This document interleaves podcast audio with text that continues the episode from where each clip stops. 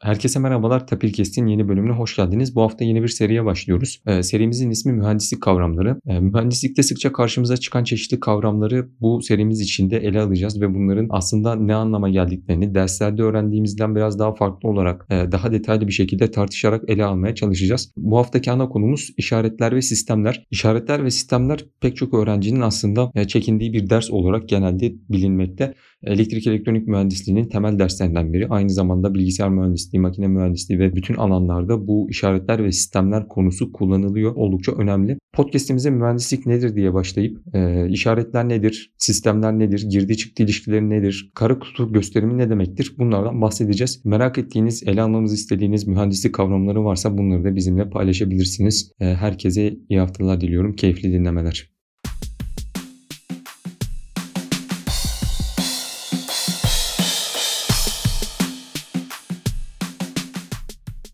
Serhan Hocam hoş geldiniz. Hoş bulduk Halil. Hocam girişte de bahsetmeye çalıştım ama mühendislik kavramlarına bir giriş yapmak istiyoruz. Hani mühendislik nedir, ne değildir, mühendislikte yer alan temel kavramlar e, hani hem yazılı hem sözlü olarak Türkçe'de biraz eksikliğini hissediyoruz. Tuba Terim mesela sözlük açısından makale yazımında e, çok güzel yapılmış bir iş. Tabii şu sıralar bir e, bakım çalışmasında erişilebilir durumda değil ancak e, sürekli faydalandığımız bir kaynak. Bu şekilde terimleri sözlük açısından sözlük tanım yaparak değil de sizin gibi alanda uzman e, kişiler tarafından bazı kavramlar nelerdir bunları kısa kısa açıklamaya çalışacağız. Bugün işaretler ve sistemler ile başlayalım istedik hocam.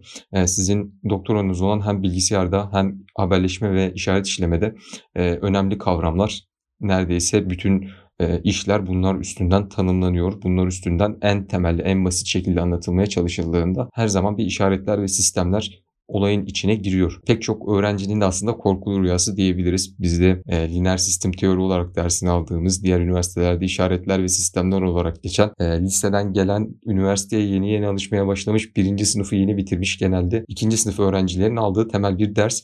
Hem de bu korkuyu gidermek adına temelde mühendislik nedir, haberleşme, işaretler ve sistemler nelerdir bunları konuşmak istedik. Size katıldığınız için teşekkür ederim. Ben teşekkür ederim Halil. Memnuniyetle çok iyi bir iş çıkartacağınızı düşünüyorum. Bana da bu fırsatı verdiğiniz için ayrıca teşekkür ederim. Biz teşekkür ederiz hocam. Hocam şimdi mühendislik nedir sizin alanlarınızda bilgisayar haberleşme, işaret işlemede? Bunu bir bize kısaca tanımlayabilir misiniz? Yani sizin açınızdan nedir? Aslına bakarsan Halil bu çok önemli bir kavram tabii mühendisliğin ne olduğu ama tabii benden önce bu işi çok daha iyi yapmış insanlar tarihsel süreçlerde göz önünde bulundurulduğunda çok daha güzel tanımlar yapıyorlar. Kimin söylediğinden emin değilim ama güzel bir tanımını hatırlıyorum. E, o tanımı çok beğendiğim için burada belki e, alıntı yapmakta sorun yok, bir beis yok. Fiziğin gündelik hayat sorunlarını çözmek için kullanıldığı aslında ortam, araçlar bütünü ve çeşitli çözümlemeler grubu diye tanımlıyorlar. Böyle kabaca bu şekilde. Tam metin bu değil ama ya ben bunu gerçekten çok faydalı bir tanım olarak buluyorum. Çünkü mühendislik temel olarak aslında sorun çözme işi. Şimdi böyle söyleyince tabii herkesin aklına çözme tarafı geliyor ama aslında çözmeyi biz mühendislikte belki yine değinirsiniz ileride iki türlü ifade ediyoruz. Bunlardan bir tanesi çözümleme, öbürü de birleştirme yani analiz ve sentez diye. Çözme sözcüğünü Türkçe'de bu ikisi için bir arada kullanabiliriz açık konuşmak gerekirse. Hem çözümlemek için yani bir olguyu çözümlemek için de mühendisi kullanıyoruz. Amacımıza ulaşmak için, bir sorunu çözmek için, bir hizmeti sağlayabilmek için bir takım şeylere uygun, kurallarına uygun, problemin doğasına uygun bir araya getirme işlemine de mühendislik diyoruz. Dolayısıyla çözme sözcüğünden bence bu ikisini anlamalıyız. Yani hem çözümleme hem birleştirme. Mühendislikte gerçek dünya sorunlarına fizik kuralları çerçevesinde tabii ki bunları uygulayabilecek e, araçları, platformları sağlayan mecra olarak tanımlayabiliriz diye düşünüyorum. Halil bu tabii dediğim gibi benim alıntılayarak biraz da naçiz kendimden bir şeyler katarak yapmaya çalıştığım tanım mutlaka daha iyi tanımları vardır. E, ama derdimizi anlatan bir tanım olduğunu düşünüyorum. Hocam bu noktada şimdi problem çözme deyince bizim eğitim sistemimizden kaynaklı olarak bir e, verilen sorunun işte integralini alma, çarpma, bölme ve e, bir sonuca ulaşma diye anlaşılıyor. E, bunu yani halen atmaya ve normal bir sorunu çözme ne demek? Gerçek hayattaki bir sorunu çözme ne demek? Bunu e, gerçekleştirmeye çalışan bir insanım. Hani her ne kadar bunda çok başarılı olamasam da e, elimden geldiğince buna emek harcıyorum. E, bu yüzden problem çözmenin çok önemli olduğunu düşünüyorum. Bunun hatta Polya'nın da sanırım böyle bir problem çözme üstüne falan kitapları var. Özellikle mühendislik felsefesi nedir? Eee, Sparks of Genius diye bir kitap var sanırım. Ayrıca onu da hani bu araya katayım. Hayal etme, gözlemleme, düşünme, bu bilgiyi süzme ve ortaya bir şey çıkarma nedir? Hem sanatçılar hem mühendisler hem bilim insanları bunu nasıl gerçekleştiriyor? Bunun için gerçekten hani üstüne çokça düşünmek ve çokça okumak gerekiyor ki yani gerçekten bir problemin çözümü ne demek baştan sona tanımından en son ürüne kadar bunu öğrenmek eee, zor bir süreç.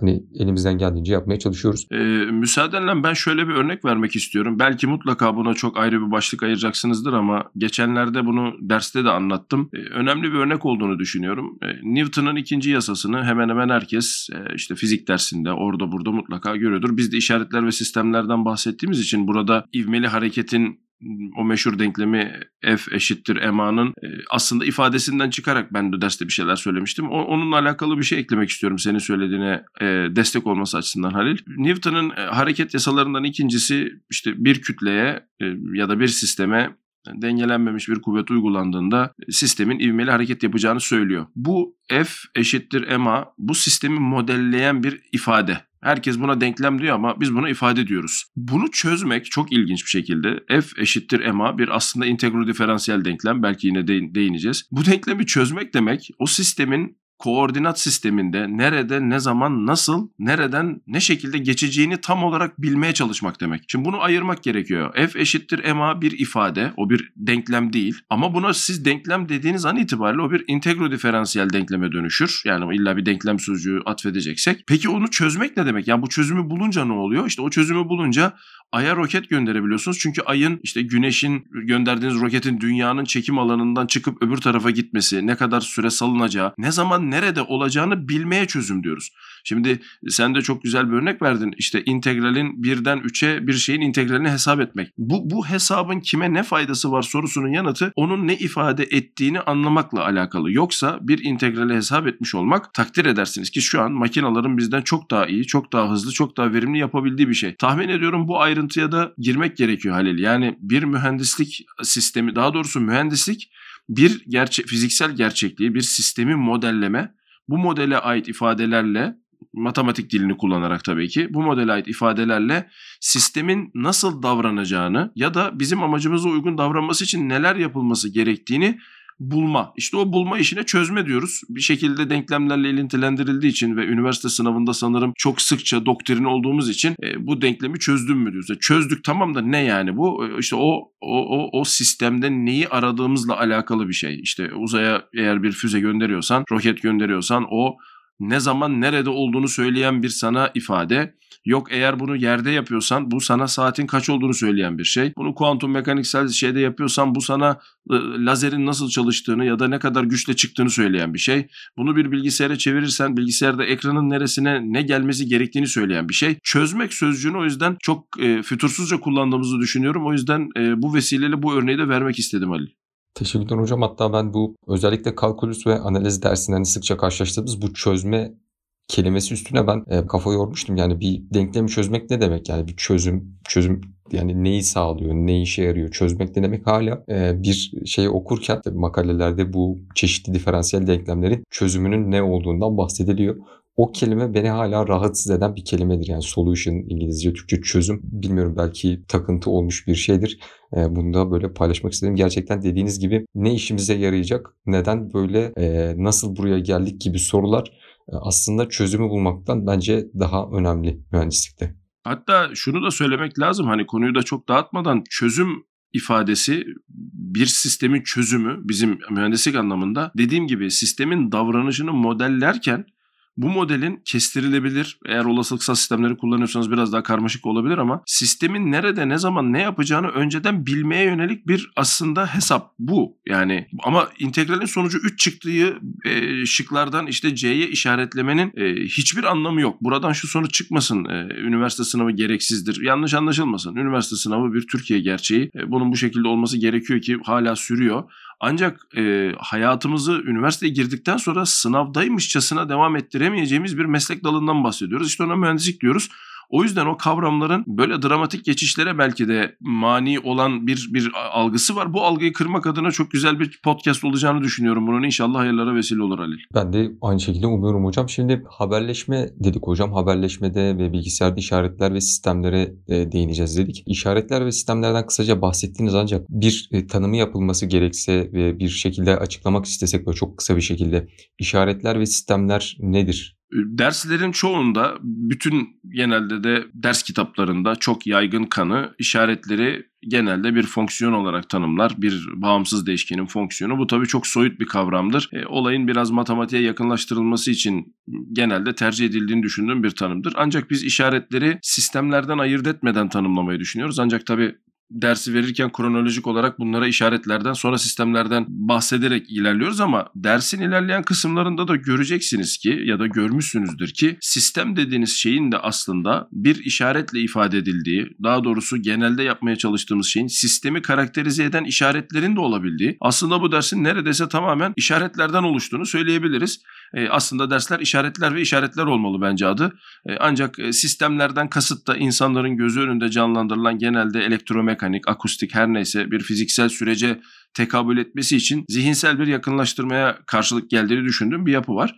Peki işaretten ne anlamalıyız? Yani genelde işaretler e, birkaç türlü tanımlanır. Genelde dediğim gibi kitaplardaki bu e, bağımsız değişkenin bir fonksiyonu olan yapı, olgu gibi şey söylense de e, biraz daha ileri aşamalara gelindiğinde işaretlerin tanımında şunu da eklemenin uygun görüldüğü açıkçası hissedilmiştir.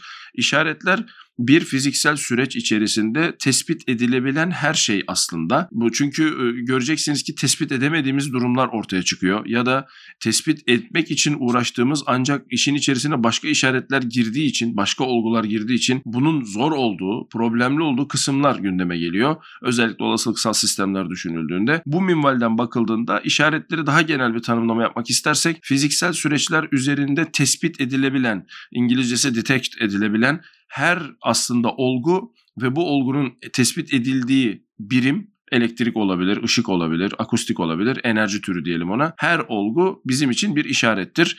Ee, işte konuştuğumuz şey şu an bir akustik işaret ancak bunu internete çıkartırken bunu elektriksel işarete dönüştürüyoruz işte gök gürültüsünün görseli bir e, optik işaret, bunun sesi akustik işaret. Yani dolayısıyla tespit edebildiğimiz şeyler hakkında konuştuğumuz için mühendislikte böyle bir ön bilgi genelde metinlerde, e, ders kitaplarında çok sonra belki arada bahsedilir ama sen şimdi haberleşme dediğin için ve işin içerisine olasılıksal sistemleri de kattığın için e, bu eklemeyi de yapmayı uygun gördüm Halil. Sağ olun hocam. Ben de e, kim demişti hatırlamıyorum ama elektrik elektronik mühendisliğini tercih ettiğimde biriyle konuşurken kendisi de haberleşme üstünde çalışıyordu. O hayırlı olsun sen de artık dünyada her şeyi işaret gözüyle bakacaksın demişti ve ben e, o zaman ne demek istediğini tam anlamamıştım. E, şu an sizinle konuşurken o, o şey bir anda aklımda canlandı. Artık dünyada her şeye bir işaret gözüyle bakacaksın sözünü e, duymuştum. Yani e, bu elektrik elektronik mühendisliği için bu şekilde oluyor. E, bizim için işte koronavirüs tespit listesine bakarken oradaki e, aslında istatistikteki o görseldeki grafikteki e, şey bizim için bir, bir işaret oluyor. Yani bunun, bunun neye benzediğini falan yorumluyoruz. Bunlar üstünde bildiğimiz şeyler aklımıza geliyor. Acaba nasıl, e,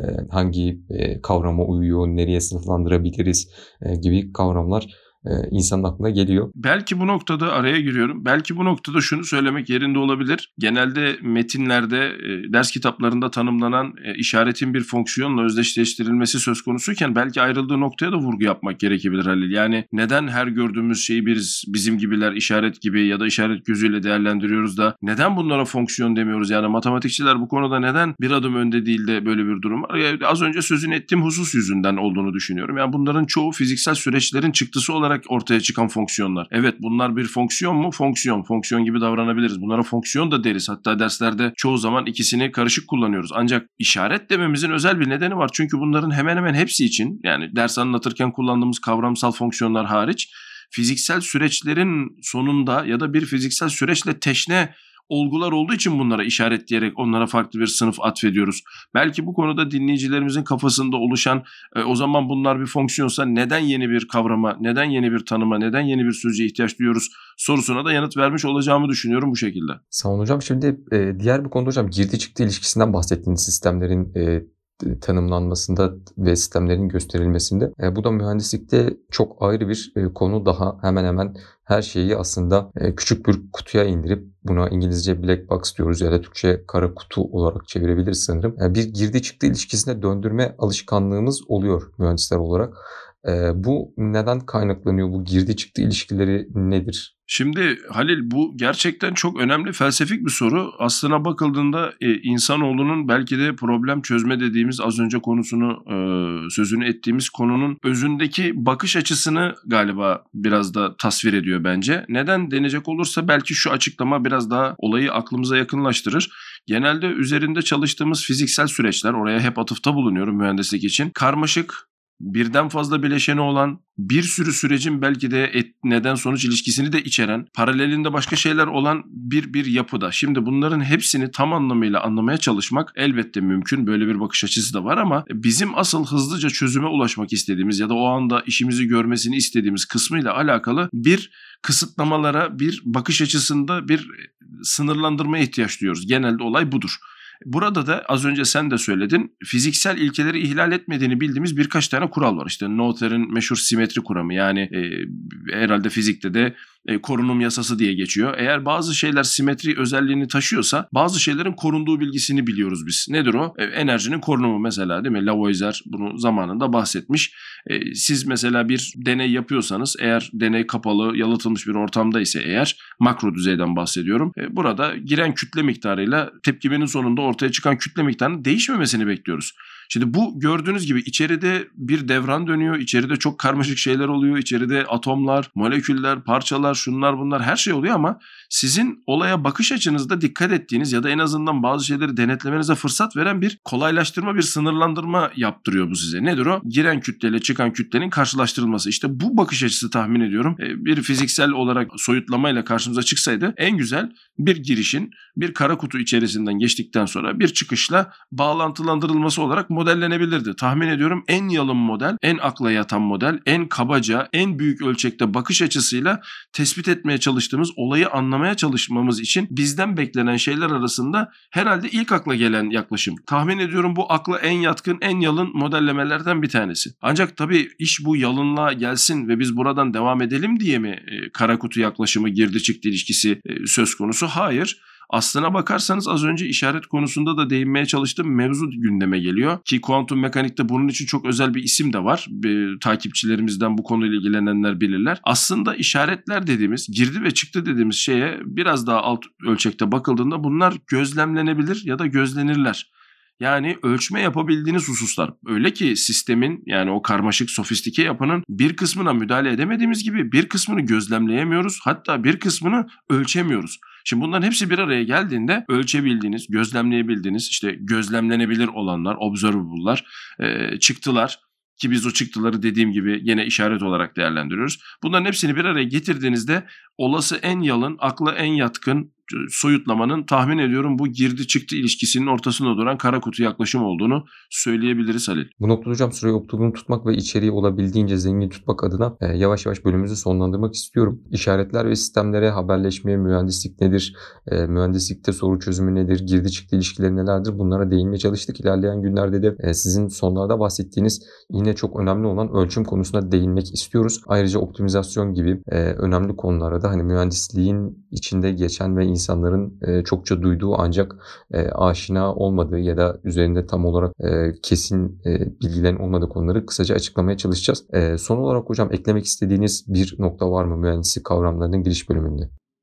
Yani bence oldukça iyi olduğunu düşünüyorum. Yalnız şunu söylemek lazım. Genelde hep ders anlatırken de mühendisliğin temelinde de bu olduğu için ilk başta insan içine doğduğu doğayı gözlemleyerek başlar ve zaten mevcut süreçleri anlamaya çalışarak ilerlediği için genelde analize ağırlık verilir. Yani çözümleme kısmı ağırlıktadır. Ancak az önce senin sözünü ettiğin o kısıtlamalarla ortaya çıkan sadelik ve soyutlama yani kara kutu gösteriminin birleştirmeye yönelik de yani senteze yönelik de çok güçlü bir argüman olduğunu söylemek istiyorum düşünüyorum. Tahmin ediyorum zaten siz bu konuya ayrıca değineceksiniz ama hani bütünlük sağlaması açısından kara kutu gösteriminin çözümleme için ne kadar kuvvetli bir araç olduğunu söyleyerek devam edelim. Ancak aslında bunun birleştirme için de oldukça önemli bir araç olduğunu söylemekten de e, vazgeçmememiz gerektiğini hatırlatmak isterim kıymetli dinleyicilerimize Halil. Ee, sağ olun hocam. Hatta e, bu noktada sistemlerin kararlılığı konusunda bilim tarihi bölümlerimizde e, Nyquist'in çalışmalarına, Laplace'ın çalışmalarına değinmiştik. E, oradaki sistemlerin kararlılığı doğrudan buradaki girdi çıktı ilişkileriyle alakalı ve e, yine analizle ve sentezle de alakalı diye e, söyleyebiliriz. Katıldığınız için teşekkür ederim hocam. Ben teşekkür ederim Halil bana bu fırsatı verdiğiniz için. E, herkese iyi haftalar diliyoruz. Görüşmek üzere.